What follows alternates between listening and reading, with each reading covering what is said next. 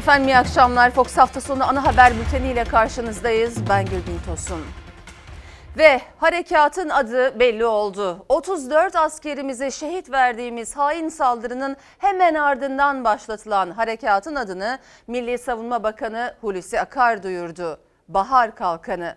Harekat kapsamında dün geceden beri önemli gelişmeler yaşanıyor. Milli Savunma Bakanlığı öğle saatlerinde Türkiye sınırında Türk savaş uçaklarını taciz eden iki rejim uçağının düşürüldüğünü açıkladı. Kritik noktalardaki Fox Haber ekipleri yayın boyunca tüm gelişmeleri aktaracak. Hatay Cilve Gözü sınır kapısında Barış Kaya, yine sınırda Altınözü ilçesinde Öznur Aslan bizleri bekliyor. Avrupa'ya geçiş yapan mülteci sayısının ise 80 bini aştığı açıklandı en yetkili ağızlardan. Onların durumunu da Edirne'den Emre İskübar, İskübarlas paylaşacak bizlerle ama önce şehitlerimiz.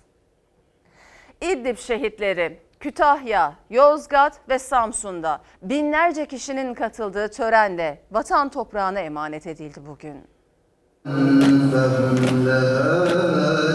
Vatanını çok sevdi benim kuzum benden asker selamı verin. Vatan için gözünü kırpmadan şehit düşen oğlunu asker selamıyla uğurladı. İdlib şehitleri Kütahya, Samsun ve Yozgat'ta vatan toprağına emanet edildi. Şehidimize dünya ve ahiret haklarınızı helal eder misiniz? Helal eder misiniz? Piyade uzman çavuş Muhammed Yılmaz, Suriye'nin İdlib kentinde rejimin hava saldırısında şehit düştü. 27 yaşındaydı, bekardı. Şehidin Kütahya'da yapılan cenaze törenine 20 bin kişi katıldı. Şehidin annesi Hatice Yılmaz gururluydu, ağlamadı. Şehit piyade uzman çavuş Muhammed Yılmaz dualarla toprağa verildi.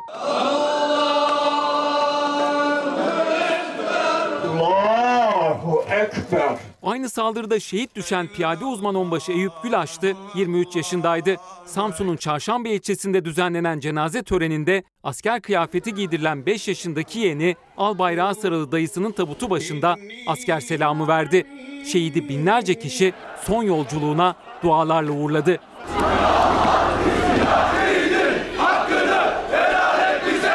Şehit piyade uzman çavuş Hasan Hüseyin Özdemir Yozgatlıydı. 24 yaşında ve bekar olan şehit Akdağ Madeni ilçesinde dualarla toprağa verildi.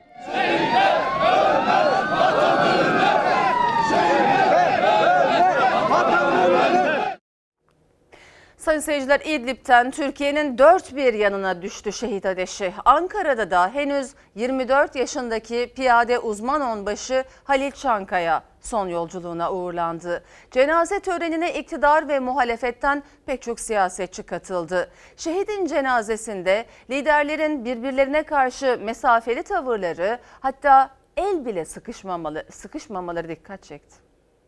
Haklarınızı helal ediniz. Bir annenin evladına son görevi, hakkını helal edişi. O anne oğlu top arabasında önünden geçerken dimdik ayaktaydı ama bir bakışı anlattı içindeki acısını. İdlib şehidi henüz 24 yaşındaki piyade uzman onbaşı Halil Çankaya Ankara'da son yolculuğuna uğurlandı. Allah rızası için El Fatiha. Şehidin cenazesinde iktidar muhalefet birlikte saf tuttu. Birlikte dua için ellerini açtılar ama siyasetteki gerilim şehit cenazesine de taşındı. Birbirleriyle el sıkışmaktan bile kaçındılar. Bahçeli Kılıçdaroğlu sıradan el sıkışarak önüne geldiğinde ellerini cebinden çıkarmadı. Zorunlu baş selamıyla yetindiler. İçişleri ve Adalet Bakanları da ana muhalefet liderinin yanından elini sıkmadan geçip gitti. İyi Parti lideri Meral Akşener ise siyasiler saf tutmadan önce şehidin naaşının başına geldi, dua etti, tabutunu öptü. Esad rejiminin hava saldırısında şehit düşen 34 Mehmetçik'ten biriydi onbaşı Halil Çankaya. Kırıkkaleliydi ama annesi Kezban Erdemir'in isteği üzerine ailesinin yaşadığı Ankara'ya defnedildi. Cenaze töreni Ahmet Hamdi Akseki Camii'nde yapıldı. CHP, MHP, İyi Parti liderlerin yanı sıra Ali Babacan da tek tek acılı aileye başsağlığı diledi. Meral Akşener uzun süre şehidin anne ve babasına sarıldı. Acılı aileyi kabinedeki isimler de yalnız bırakmadı. Cumhurbaşkanı Yardımcısı Fuat Oktay cenaze törenindeydi. Sıra siyasilerin selamlaşmasına geldiğinde ise buz gibi bir hava esti cami avlusunda. Bahçeli ve bakanlar muhalefet liderlerine ellerini uzatmadı. Bir tek Kılıçdaroğlu ve Akşener tokalaştı. Birbirlerine başsağlığı dilediler. Caminin avlusu şehidin silah arkadaşlarının yanı sıra ellerinde Türk bayraklarıyla gelen çok sayıda vatandaşla doldu taştı. Şehidine veda sırası bu kez başkent Ankara'da. Şehit onbaşı Halil Çankaya'nın sevenleri siyasilerin yanı sıra binlerce Ankaralı da son yolculuğuna uğurluyor. Şehit onbaşı geride ailesinin gurur dolu bakışlarını bıraktı. Binlerce kişinin dualarıyla Cebeci şehitliğinde defnedildi. Şehitlerimize bir kez daha Allah'tan rahmet diliyoruz. Milletimizin başı sağ olsun diyoruz. 27 Şubat İdlib saldırısı ile birlikte Ankara-Moskova hattında tansiyon tavan yapmıştı. Cumhurbaşkanı Erdoğan'la Rusya lideri Putin arasındaki telefon görüşmesi yükselen tansiyonu düşürür mü derken bugün de Dışişleri Bakanlığı kaynakları iki liderin 5 Mart'ta Moskova'da bir araya geleceğini duyurdu. Milli Savunma Bakanı Hulusi Akarsa harekatın adını Bahar Kalkanı olarak açıklarken son duruma ilişkin rakamlar da verdi. 27 Şubat'ta gerçekleştirilen menfur saldırıyı mütakip başlatılan Bahar Kalkanı Harekatı başarıyla sürdürülmektedir. Bugüne kadar 2212 rejim askeri ve unsuru etkisiz hale getirilmiştir. Milli Savunma Bakanı Hulusi Akar, İdlib saldırısının ardından Suriye rejim güçlerine karşı başlatılan harekatın adını açıkladı. Bahar Kalkanı. Akar, Hatay'dan Bahar Kalkanı harekatının son bilançosunu verirken Dışişleri Bakanlığı kaynaklarından da Cumhurbaşkanı Erdoğan'la Rusya lideri Putin'in 5 Mart'ta Moskova'da görüşeceği haberi geldi. Sayın Putin'e de söyledim. Sizin orada ne işiniz var? Siz bizim önümüzden çekilin. Bizi rejimle baş başa bırakın. Ha biz de rejimle gereğini yaparız. Rusya ile karşı karşıya gelmek gibi ne bir niyetimiz ne bir maksadımız var. Bizim oradaki tek niyetimiz radikalleşmenin ve göçün durdurulmasıdır. Suriye'de meşru hükümetin talebi doğrultusunda meşru olarak askerlerini bulunduran tek ülke Rusya. Tüm diğer ülkeler Suriye'de uluslararası hukuk kuralları ve prensiplerine aykırı olarak bulunuyor. Moskova'dan Kremlin sözcüsü Peskov'dan gelen bu son açıklama Ankara ile Moskova arasındaki yüksek tansiyonun devam ettiğinin bir göstergesi. İşte bu gergin havada İdlib saldırısının ardından iki lider telefonla görüşmüştü. 5 Mart Perşembe günü Moskova'da gerçekleşecek zirvede bu kez krizin çözümü yolunda atılması gereken adımlar yüz yüze konuşulacak. Türkiye hakkı mücadelesinden hiçbir zaman geri durmayacaktır. Hiçbir şehidinin kanını yerde bırakmayacaktır. Hiçbir ihaneti unutmayacaktır. Milletimiz yanımızda olduğu sürece her zorluğun üstesinden gelecek, ülkemizi köşeye sıkıştıracağını zannedenlere tarihi bir ders vereceğiz. Cumhurbaşkanı sosyal medya hesabından kararlılık mesajları verirken Hulusi Akar, Türkiye'nin Suriye'deki varlığının nedenini ve Bahar Kalkanı adıyla başlatılan son harekatın gerekçelerini özetledi. Bir yandan alanda askeri adımlar atılırken diğer yandan da diplomasi devrede. Erdoğan, İran Cumhurbaşkanı Ruhani ile de bir telefon görüşmesi gerçekleştirdi. Görüşmede siyasi ve diplomatik çözüm seçeneğine vurgu yapıldı. Tarih boyunca hep işgallere, zulümlere maruz kalmış bu coğrafyada mücadeleden bir an geri kaçarsak, bir an birliğimize, beraberliğimize sahip çıkmazsak çok daha büyük bedeller ödeyeceğimizin bilinciyle hareket ediyoruz. Karşılıklı mutabakatlardan doğan tüm sorumluluklarımızı garantör bir ülke olarak yerine getirdik ve getirmeye devam ediyoruz. Bu doğrultuda meşru müdafaa kapsamında hedefimiz sadece birliklerimize saldıran rejim askerleri ve unsurlar olacaktır. Erdoğan Putin görüşmesinde de Suriye'de çözüm için yol haritasını Akar'ın altını çizdiği mutabakat metinleri belirleyecek. Erdoğan'a eşlik edecek heyette Dışişleri Bakanı Mevlüt Çavuşoğlu, Milli Savunma Bakanı Hulusi Akar ve MİT Başkanı Hakan Fidan'ın da yer alması bekleniyor.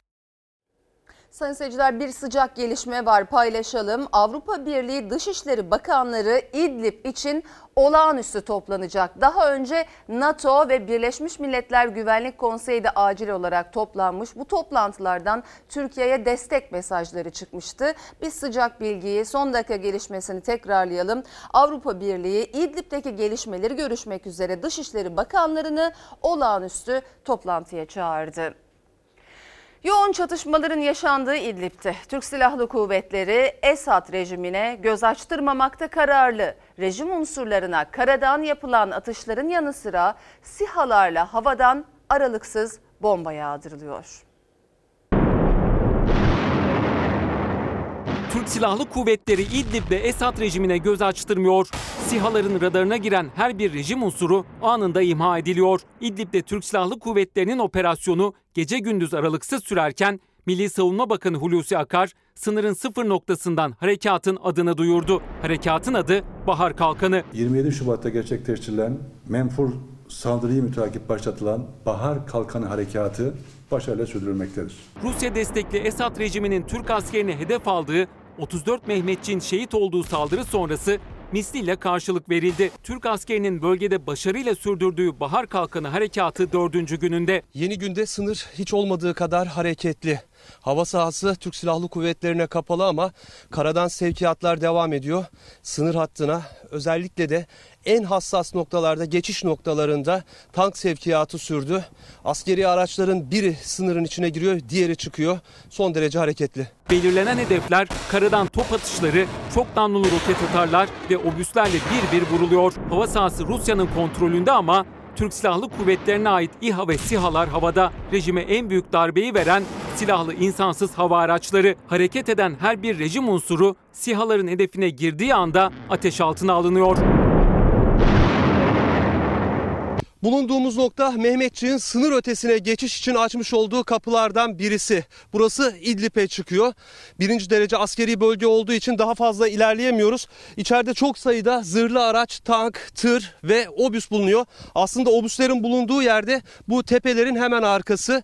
Ee, gece boyunca bu noktalardan Mehmetçi'ye destek için obüslerle ateş yapılıyor.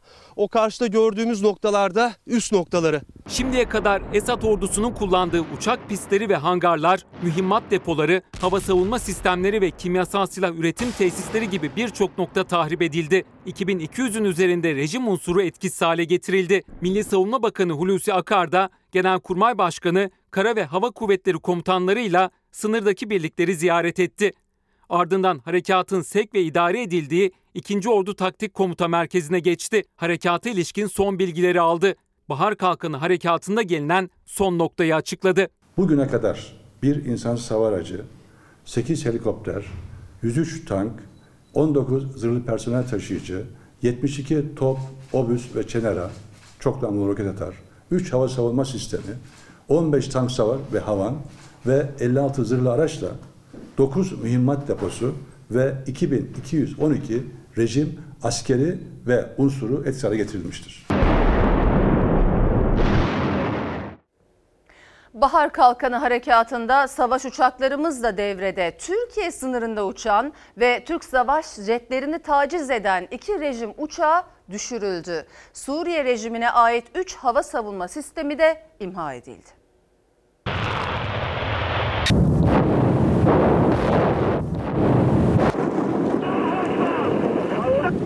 İşte Bahar Kalkanı harekatının en sıcak anları. Sınır ihlali yapan iki Suriye uçağı böyle vuruldu. Türk jetlerinin vurduğu uçaklardaki pilotlar fırlatma sistemi sayesinde kurtuldu. Suriye rejimine ait iki uçak Hatay Altınözü sınırı yakınlarında görülünce Türk jetleri de havalandı ve havadan havaya yapılan atışla rejime ait uçaklar düşürüldü. O iki uçak dağın arkasındaki rejim bölgesine düştü. Suriye'nin hava sahasını kapatmasının ardından sınırın Türkiye tarafında Türk Hava Kuvvetleri devriyedeydi. Rus yapımı Su-24 tipi rejime ait uçaklar Türk jetlerini taciz etti, havada gerginlik arttı.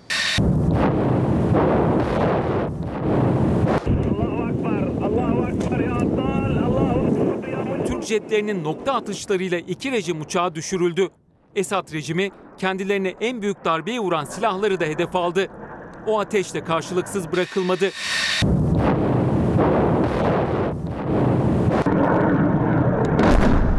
Hava sahası kapalı olduğu için Türkiye Bahar Kalkanı operasyonunu SİHA'larla sürdürüyor. O SİHA'lardan biri rejim güçleri tarafından düşürülünce Türkiye misliyle karşılık verdi ve rejime ait 3 hava savunma sistemi imha edildi.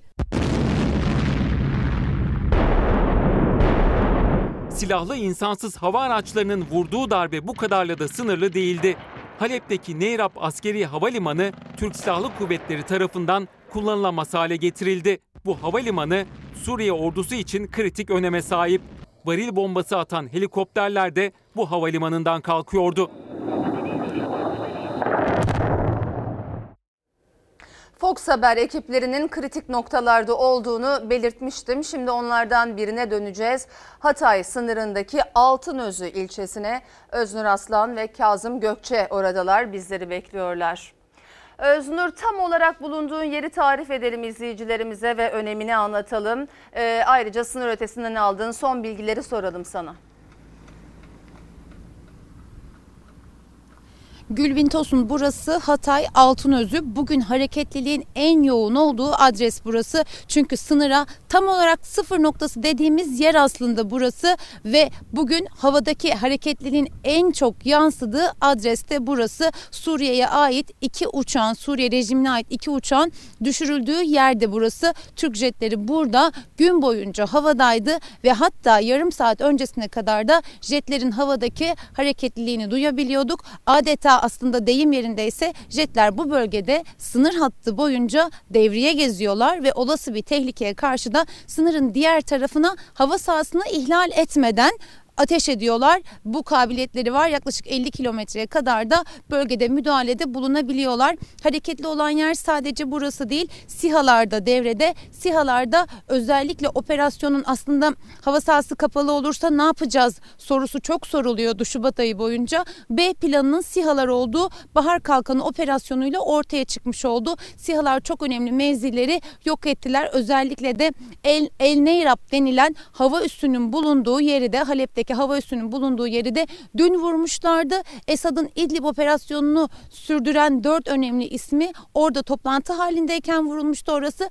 Bugün de oraya SİHA'lar sürü atışı gerçekleştirdi. Sürü atışı demek aynı anda onlarca SİHA'nın kalkması ve aynı noktayı eş zamanlı olarak vurması demek. İşte bu sürü atışıyla birlikte El Neyrab'daki hava üssü tamamen kullanılamaz hale getirildi ve hem sınır hattındaki rejim uçaklarına müdahale hem de El Neyrab'daki hava üssüne yapılan müdahaleyle birlikte Suriye hava sahasında önemli bir değişiklik gördük. Suriye uçakları rejime ait iki uçağın düşmesinin ardından bölgedeki uçuşlarını kestiler. Günlerdir hatta haftalardır İdlib sınır hattını bombalayan, güneyini bombalayan o uçaklar öğleden sonra rejime ait iki uçağın düşmesinin ardından uçuşlarını tamamen durdurmuş oldular ve sonrasında da herhangi bir uçuş yapamadılar. E, bütün bu gelişmelerin ışığında İdlib'in güneyinde Mehmetçik Sur Suriyeli muhaliflerle birlikte ilerleyişini de arttırdı ve toplamda bugün 9 köy daha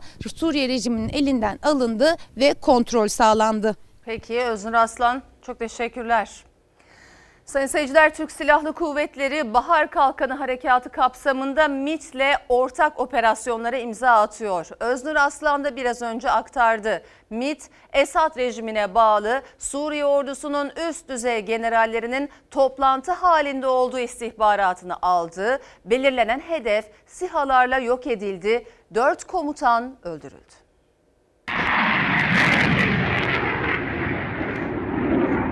Türk Silahlı Kuvvetleri Esad rejimine en ağır darbelerden birini daha vurdu. İdlib'de başarılı bir operasyonla rejimin 4 komutanı öldürüldü.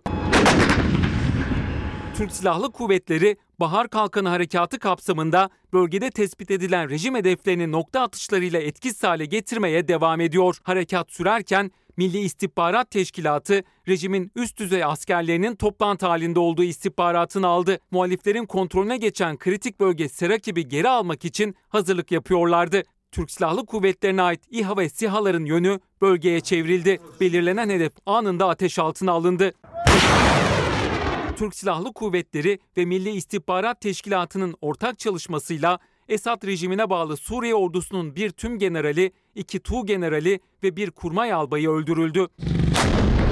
Başarılı operasyonla rejimin komuta kontrol yapısına büyük darbe vuruldu. Aynı zamanda Serakib'in Suriye Milli Ordusu'nun kontrolünde kalması da sağlandı.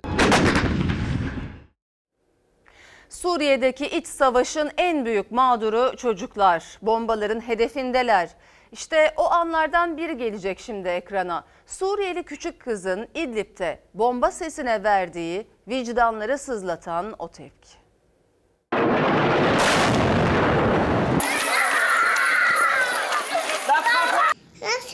هذا كلب مو لا تخافي بابا لا Bomba, uçak ve silah sesleriyle büyüyen binlerce çocuktan biri o. Ama o seslere alışmak hiçbir zamanda mümkün değil. İşte İdlib'de o anlardan biri. Bir bomba ve savaşın korkunç yüzünün o çocuğun yüzüne yansıması. هاي الارهابيه هاي الارهابيه ليك عم ضربنا بالشارع ماما لا تخافي بابي لا تخافي Rejime ait uçaklar İdlib'de sivil halkın üzerine bomba yağdırıyor ve iç savaşın en büyük mağduru çocuklar ölüyor, yaralanıyor ya da atılan bombaların travmalarını yıllarca taşıyorlar. İdlib'de küçük kız da onlardan biri. İlk kez duymuyor bombaların sesini ama her defasında korkuyor. Her çocuk gibi, her insan gibi. Hadi kelb mu? لا تخافي بابا لا تخافي لا تخافي لا تخافي بابا لا تخافي هاي الارهابيه هاي الارهابيه ليك عم ضربنا بالشارع لا تخافي بابي لا تخافي Babası da korkuyor elbette ama öncelik çocuklarda. O anları kaydederken bir yandan da sakinleştirmeye çalışıyor. Annesi odaya girince biraz olsun rahatlıyor. Ama gözlerindeki o korku kalıcı. لا تخافي شلون تسوي طياره؟ شلون؟ شلون تسوي طياره؟ Şimdi yeniden Hatay'dayız. Cilve Gözü sınır kapısında arkadaşımız Barış Kaya ve Serhat Yağmur bizleri bekliyor. Barış bugün çok önemli bir gelişme yaşandı. Aktardık Türk savaş uçaklarını taciz eden iki Suriye uçağı vuruldu. Peki sınırın sıfır noktasında bu saatler itibariyle durum ne? Sevkiyat sürüyor mu? Neler yaşanıyor orada? Seni dinleyelim. Aslında hareketlilik hiç bitmiyor çünkü e, sınırın ötesinde binlerce askerimiz var.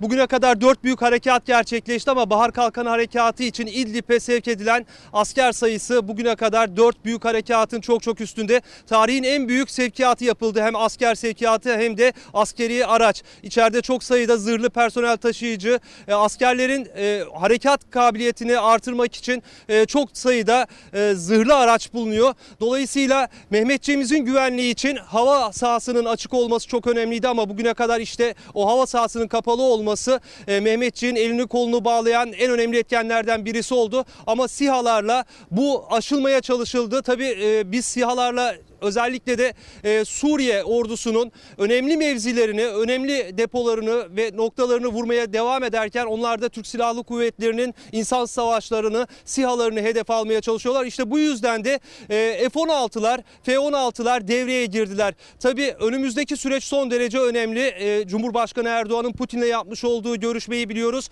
Dolayısıyla insansız hava araçlarının ve SİHA'ların bölgedeki hakimiyetini artırmasını e, gördük bu süreçten sonra. Tabii gözler bir yandan da e, 5 Mart'ta dolayısıyla Cumhurbaşkanı Erdoğan'la Putin'in yapacağı görüşmede işte o görüşme sonrasında aslında İdlib'de Türk Silahlı Kuvvetleri'nin Türkiye'nin yol haritası çok daha netleşmiş ve kesinleşmiş olacak. Ama Bahar Kalkan Harekatı tüm hızıyla devam ediyor. Çünkü bölgedeki hareketlilikten bunu anlayabiliyoruz. Sınıra giriş çıkışlardan, açılan kapılardan biz Cilve Gözü sınır kapısındayız ama e, pek çok kapı var. Türk Silahlı Kuvvetleri'nin zırhlı araçlarının girdiği ve operasyonun yürütüldüğü. E, dolayısıyla o bölgelerdeki hareketlilik, içerideki askerlerimizin güvenliği ve önümüzdeki süreçte de Bahar Kalkanı Harekatı'nın ne kadar süreceği, ne kadar devam edeceği bunlar da e, o diplomasi trafiğinden sonra netleşecek. Tabii gözler e, sınırda olduğu için komutanların da mesaisi çoğu zaman zaman şeyde geçiyor, sınırda geçiyor.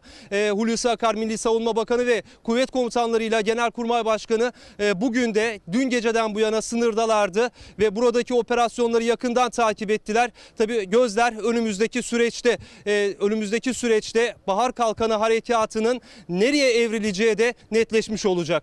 Peki Barış Kaya teşekkürler. Suriye'nin İdlib kentinde rejimin düzenlediği hava saldırısında yaralanan askerler tedavilerinin ardından baba ocaklarına birer birer dönmeye başladı. Kahramanlar bir an önce iyileşip göreve dönmek istediklerini söyledi. Bugün deseler ki aynen operasyon var, işte özel birlikler tekrar seni çağırıyor, harekata katılır mısın deseler şu şekilde bile giderim yani. Bacağından yaralanmıştı ama bütün kalbi ve aklı cephedeydi. Yaralı asker bir an önce iyileşip birliğine gitmek istediğini söyledi. Tek dileğim bir an önce şu durumu atlatıp tekrar görevimize başlayalım. Piyade Komando Uzman Çavuş Ayhan Ertemiz 7 aydır Suriye'de görev yapıyordu. İdlib kentinde rejimin düzenlediği hava saldırısında sağ bacağından yaralandı. Ertemiz Hatay'daki ilk tedavisinin ardından memleketi Bilecik'in Bozüyük ilçesinde baba evine döndü. Allah gazilik nasip etti. Bunun için de mutluyum. Yaralı Mehmetçi'yi Bozüyük Kaymakamı Hasan Yaman, Belediye Başkanı Mehmet Talat Bakkalcıoğlu, ilçe jandarma komutanı binbaşı Serkan Aktay evinde ziyaret etti. Allah bana gazilik nasip etti diyen askerin tek bir isteği vardı. Sonuçta biz askeriz. Hani ölünce ise Allah'ın huzurunda şehit oluruz veya gazi oluruz. İyileşir devam ederiz. Hava saldırısında yaralanan uzman çavuşlar Ercan Kurt ve Adnan Ersoy tedavilerinin ardından memleketleri Zonguldak'ın Ereğli ilçesine bağlı Yazıcılar köyüne geldi. Askerler baba ocaklarında sevinçle karşılandı. Şehitlerimize de gani gani rahmet diliyoruz. Yıkılmadık, ayaktayız, dimdik, mücadelemiz devam edecek. Arkadaşımızı sağlıklı gördüğümüze sevindik. Karşılama sırasında uzman çavuş Adnan Ersoy'un 2 yaşındaki kızı Asel'in babasına seslenmesi duygusal anların yaşanmasına neden oldu.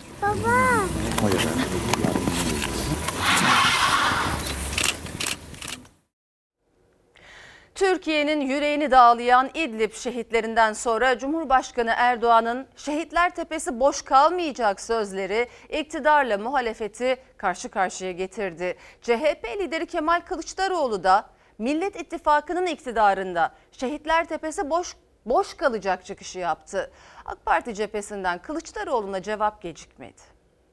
Şehitler tepesi hiçbir zaman boş kalmayacak. Millet İttifakı'nın iktidarında Şehitler Tepesi boş kalacak. Kemal Kılıçdaroğlu e, bunu nasıl yapacak, ne yapacak da Türkiye'nin şehit Engelleyecek. vermesini engelleyecek? Türkiye İdlib şehitlerini ağlarken Cumhurbaşkanı Erdoğan şehitler tepesi boş kalmayacak sözlerini yineledi. Kılıçdaroğlu tepki olarak şehitler tepesi Millet İttifakı'nda boş kalacak açıklamasını yaptı. Bu kez AK Parti cephesi de Kılıçdaroğlu'na tepkisini sorularla yöneltti. Şunu mu söylemek istiyor? Biz e, Türkiye'nin e, haklarını korumayacağız, terörle mücadele etmeyeceğiz. Bölgedeki terör örgütleri bizim umurumuzda değil. Hiçbir askerimizin tırnağına zarar gelmesini istemiyorum.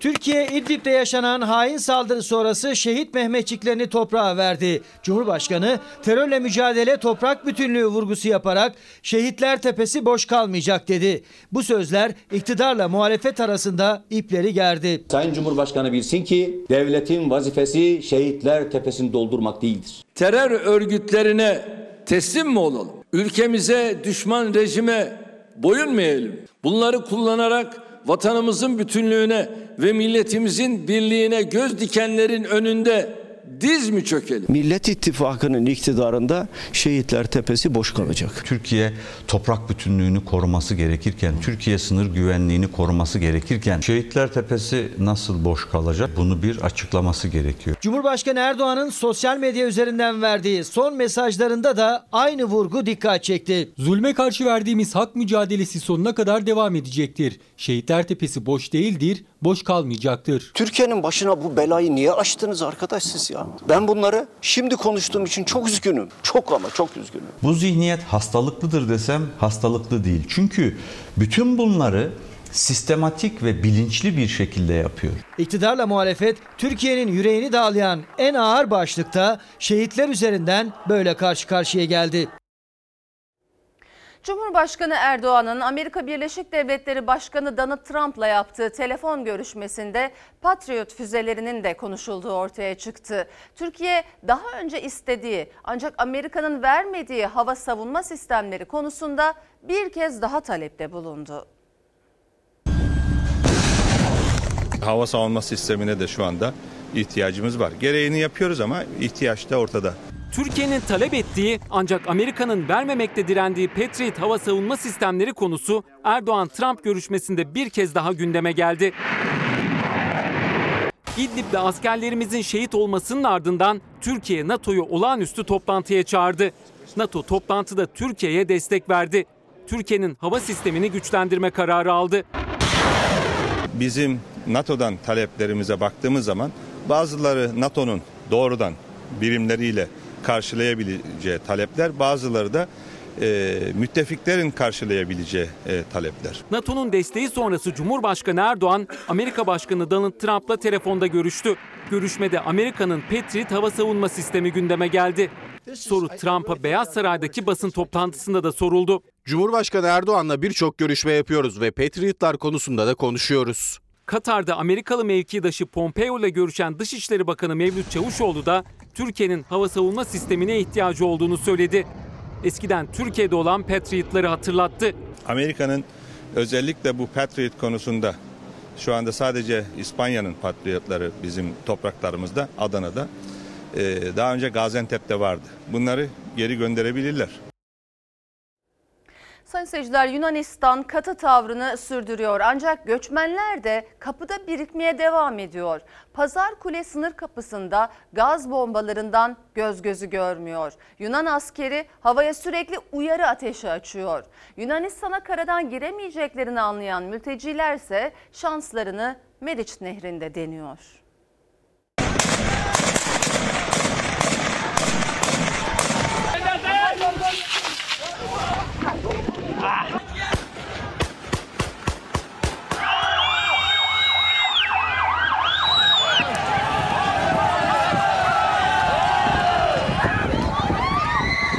Yunanistan tarafındaki görüntü buydu. Yaklaşık 50 polis kimi uyarı ateşi açtı, kimi gaz bombası attı.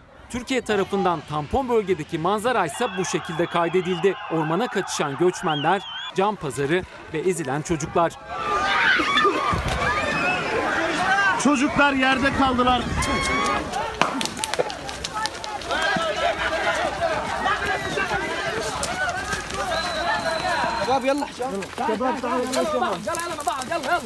Mülteciler Türkiye Edirne sınırında sınır tellerinin birçok noktasını parçalayarak karşı tarafa geçmenin yollarını aramıştı. Gece ise Yunan polisi yeni tellerle o tahrip edilen noktaları onardı ve hemen yanı başında da gördüğünüz gibi nöbet tutuyor.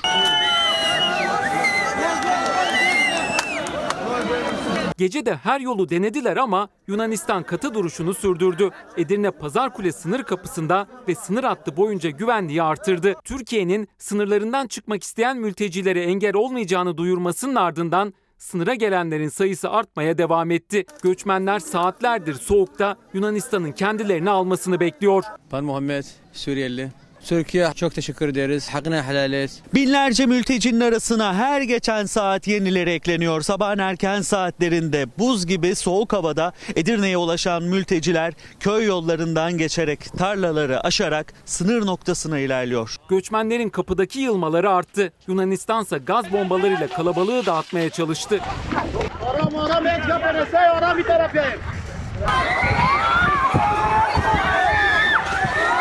Mülteciler birbirlerini ezerek kaçıştı. Göz gözü görmedi. Gazdan etkilenmemek için ateş koklayanlar da oldu. Kapıdan geçemeyeceğini anlayanların adresi ise Meriç Nehri'ne komşu köylerdi. Burası Edirne merkezi 30-40 kilometre uzaklıktaki Doyran köyü. İşte minibüsler mültecileri bu köylere getiriyor.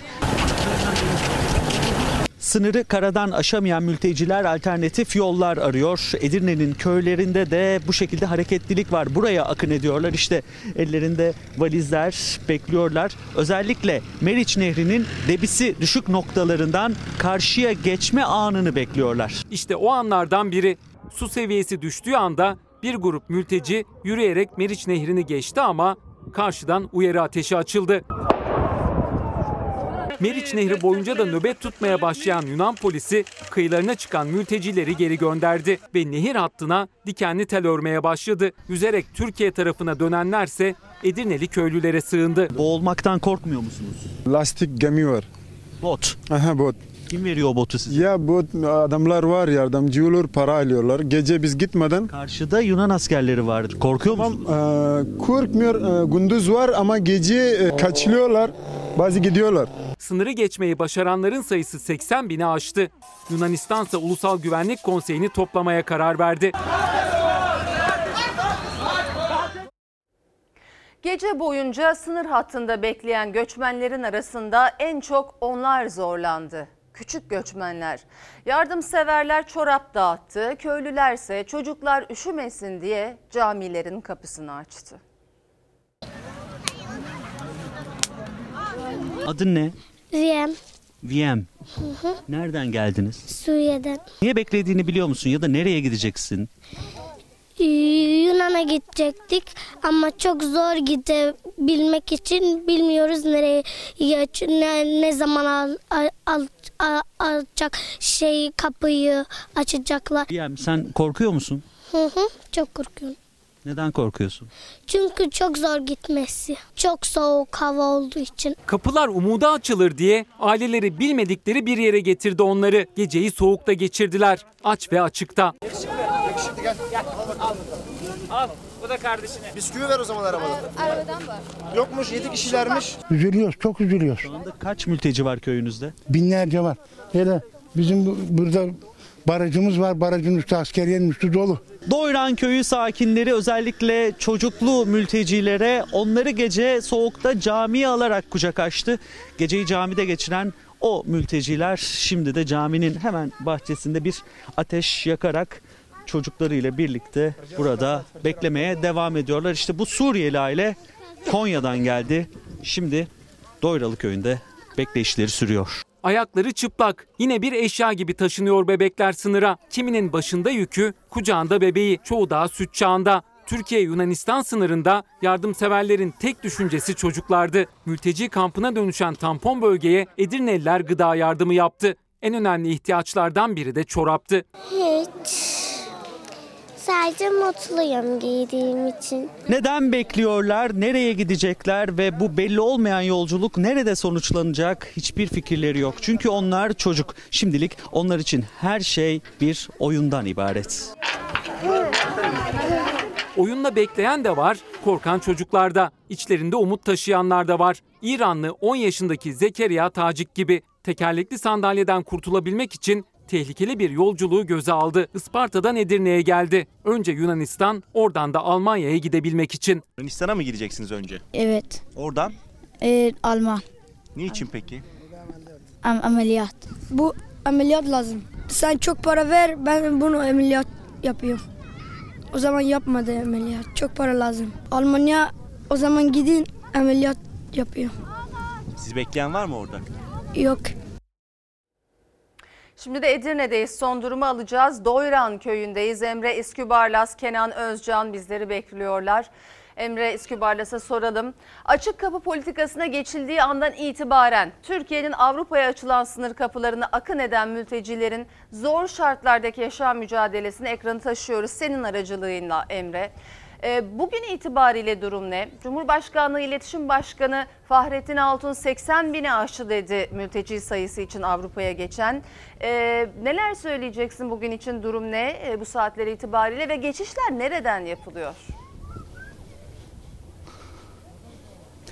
Gürbin Tosun Edirne'de mülteci hareketliliği artarak devam ediyor diyebiliriz. Aslında mülteciler Edirne'nin dört bir yanında kent merkezinde, kent merkezine çıkan yollarda ve aslında bulunduğumuz bu köylerde. İlk tercih ettikleri nokta sınır kapıları ama sınır kapılarından geçmeleri aslında hiç kolay olmuyor. Çünkü Yunan sınır kuvvetlerinin o sert ve katı tavrı devam ediyor ki az önce de e, yine bir sınır kapısında bir müdahale oldu. Ee, Orada biber gazlı müdahaleyle yine aslında o mültecilerin geçişine izin vermediler. İşte mülteciler o umudun peşinde koşan mülteciler sınır kapısından geçemedikleri için bulunduğumuz bu köylere akın ediyorlar. Biz şu anda Doyran köyündeyiz. Doyran köyünün özelliği aslında Yunanistan'la e, bir e, nehirle ayrılması, Meriç Nehri ile ayrılması ki zaten mültecileri de buraya çeken o nehrin burada olması. Çünkü debisi düşük noktalardan fırsat buldukça karşıya geçmeye çalışıyorlar. Ama e, bu da kolay olmuyor. Çünkü bulunduğumuz bu nokta Meriç'in hemen kıyısı. Arkamızda da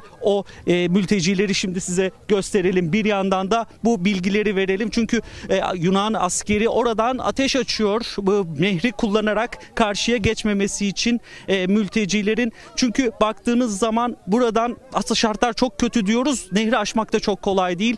Ve bellerine ip, ip bağlayarak geçenler de var. Bir bot yardımıyla geçmeye çalışanlar da var ama gördüğünüz gibi çoluk çocuk buradalar. İşte bir e, aile daha burada. Birazdan burası onlar için aslında bu soğuk ve e, işte bu ıslak zemin onların aslında yatağı olacak. Bir ateş başında işte bu aileyi görüyorsunuz.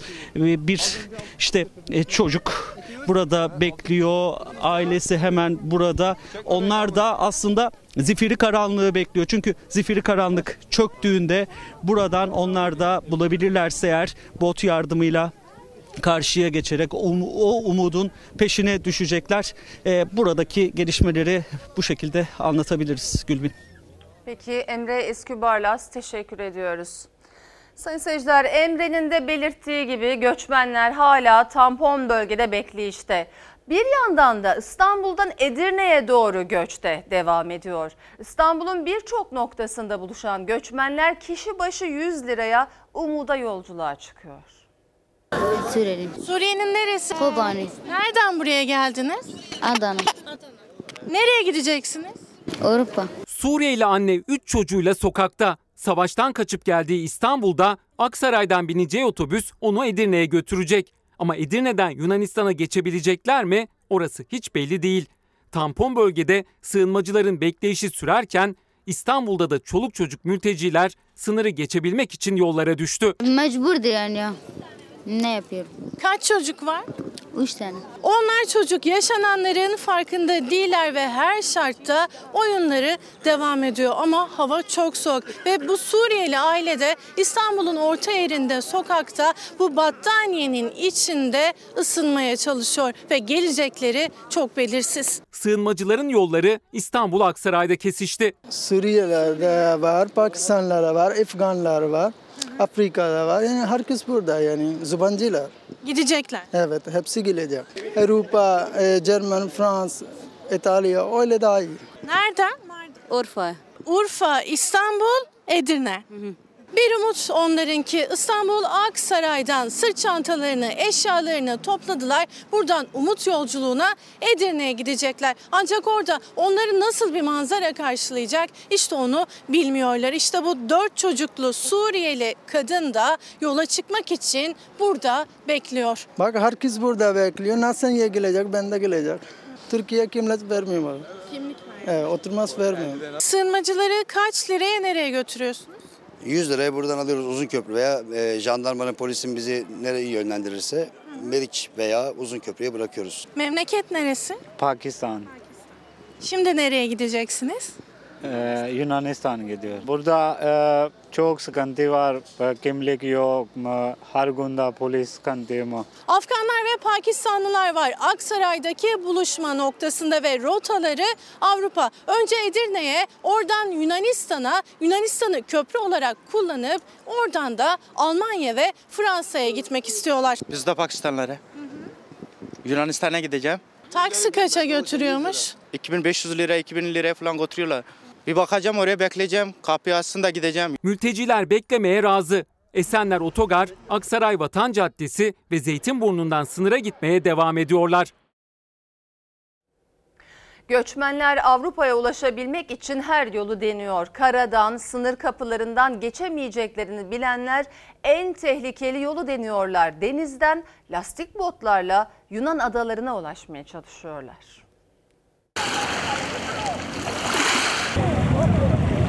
Yanlarında umutları, hayalleri ve bir parça eşyalarıyla açılıyorlar denize. Daha iyi bir hayat beklentisi ölüm riskinden üstün geliyor çoğu zaman. Tüm risklere karşın çocuğu, genci, yaşlısı lastik bir bota doluşup karşı kıyıya varabilmek için çabalıyorlar. Karadan gitmeyi başaramayanlar denizlere yöneliyor. Antalya'dan Meis'e, Aydın Kuşadası'ndan Sisam'a, İzmir Dikili ve Çanakkale Ayvacık'tan da Midilli Adası'na ulaşmaya çalışıyor göçmenler. İşte Çanakkale Ayvacık. Yunanistan'a gidiyoruz. Bizde şey malzeme yok, but falan yok. Nasıl gideceğiz? Almanya'ya gitmeyi düşünüyorum. E, sadece bakmaya geldik. Bugün eğer e, çıkabilirsek yarın çıkacaktık. Okuyacağız orada. Hedefleri önce Yunanistan, ardından da Avrupa'da başka bir ülkeye geçebilmek. Ya botları su alıp batma tehlikesi geçiriyor ya da akıntı bambaşka yerlere sürüklüyor onları. Yardımlarına Türk Sahil Güvenliği koşuyor.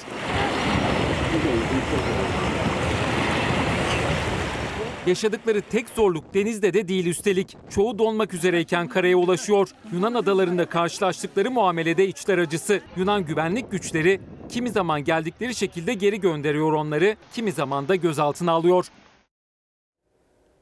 Bir insan kaçakçısı göçmenleri nasıl ölüm yolculuğuna çıkardığını anlattı. Çok geçmeden gözaltına alınıp tutuklandı ama başka kaçakçılar hala iş başında. Göçmenleri doldurdukları bir bot batma tehlikesi geçirdi. O bottan atlayarak karaya çıkan bir göçmeni ise donmaktan gazeteciler kurtardı. Abi benim işim bu. Ben 20 senedir bu işi yapıyorum. Ben göçmen kaçakçıyım. Cezasını da yattım. 6 sene cezasını yattım. Yani bizim mesleğimiz bu. Ekmeğimiz buradan. Reis de izin verdi. Biz de para yolumuza çıktık. Botu kullanmayı bilen var mı orada? Yok abi o da zaten o bizi kaldırmıştır ya. Hareket et, kollarını hareket et. Uyuma sakın uyuma. Hey, uyuma sakın duyuyor uyuma. musun bizi? Dostum. Gözünü aç gözünü aç. İşte insan kaçakçılarına inanıp umut yolculuğuna çıkan bir mülteci. Su alan bottan buz gibi suya atlayarak hem kendini hem beraberindekileri kurtardı. Ege'nin soğuk sularında binlerce mülteci hayatını kaybetmişti. Bu kez şanslıydı bu bottakiler. Avrupa'nın yarısını ben gönderdim abi. Göçmenler bedava gitmek için, karadan gitmek için Edirne, İpsala, gümrük kapılarına gidiyorlar bedava gitmek için. E tabi orada da Yunanistan güvenlik güçleri izin vermiyor. Hepsi buraya gelecek. Türkiye'nin gidenlere dur demeyeceğini açıklamasının ardından on binlerce mülteci sınır kapılarına akın etti. Ama karadan Yunanistan'a girmeleri neredeyse imkansızdı. Deniz yolunu denemek isteyenlerse gözlerini para hırsı bürümüş insan kaçakçılarının ellerine düştü. 500 dolar 600 dolar abi çok bir para değil. Yani malzeme 30 tane yolcu bir bota 30 kişi biniyor. 5 dolardan 15 bin dolar para yapıyor. 12-13 bin dolar masrafı var. Bir bot 10 bin dolar. İstanbul'dan buraya nakliye 2 bin dolar. 12 bin, 2-3 bin dolar da biz 5-6 kişiye kalıyor. Allah bin bereket versin. Günlük bin lira paramız da oluyor. Mesleğini göçmen kaçakçısı olarak tanımlayan Özcan Karlı, sistemin nasıl işlediğini böyle anlattı. Bedavaya gidemezler diye eklemeyi de ihmal etmedi. Çanakkale'den, Aydın'dan, İzmir'den, Antalya'dan Yunan adalarına göçmen kaçırmanın kişi başı 500 dolardan başladığını anlattı. Amerika'nın sesi muhabirine günlük 1000 dolar kazandıklarını açıkladı. Sonra da gözaltına alındı ve ifadesinin ardından tutuklandı. Yakalanmasa para kazanıyoruz. Yakalanırsa asker falan gönderdiği için oradan bir de zarar edersin. Yani 10-15 milyar bize giriyor. Göçmenler karşıya gitmeden para yok. Cepten para harcıyoruz abi. 2-3 bin euro. Anladın mı? 2-3 bin euro kazanmak şartıyla 35 kişi falan yüklüyoruz. Buradan salıyoruz. 20-25 dakika içinde de zaten Yunanistan'da oluyorlar. O botlardan biri de Çanakkale Ayvacık açıklarında batma tehlikesi geçirdi. Bottakileri sahil güvenlik ekipleri kurtardı. İçlerinden biri denize atladı, sahile ulaştı. Sahil güvenlik ekiplerine haber verdi. Sonrasında da hipotermiye girdi. Ben kendim için buraya kadar gelmedim. Ben onların için geldim. Ben burada haber iştireyim. 55 kişi var. Ben kendimi canımı tehlikeye attım. Geçen gittik Yunanistan. Ne kadar bizi dövdü. Allah'tan başka sesimizi duymuyor. Ya neden olur bu işler ya? Ankara Avrupa'ya sorumluluklarınızı yerine getirmiyorsunuz diyerek sınır kapılarını açtı. An be an mültecilere ilişkin detaylı istatistik veriliyor. Ama Yunanistan sınırını aşıp karaya karşıya geçebilenlerin sayısı çok az. Muhalefet de verilen rakamların doğru olmadığını, iktidarın mültecileri istismar ettiğini söylüyor.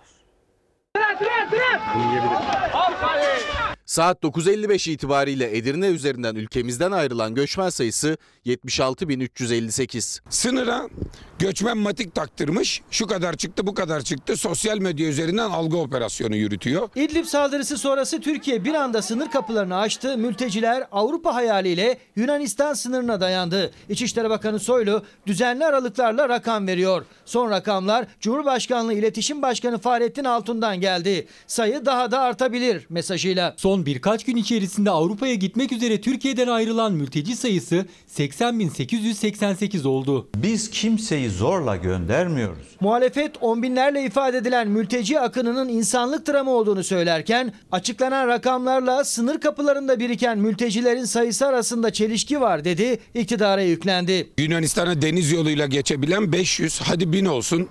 Bulgaristan zaten almıyor. Meriç'ten karşı tarafa geçenlerin sayısı çok az. Tampon bölge olarak düşünülebilecek o ara bölgede bulunanlar bu verilen rakamlarla alakası yok. CHP kurmayı Özgür Özel en yetkili ağızlardan sayıları an be an yükseltilerek verilen rakamların inandırıcı olmadığını, iktidarın mültecileri istismar ettiğini savundu. Gitmek isteyenlere lojistik destek de sağlanıyor. Eğer Süleyman Soylu doğru söylüyorsa bu insanlar sınırı geçtikten sonra buharlaşmış olmaları lazım.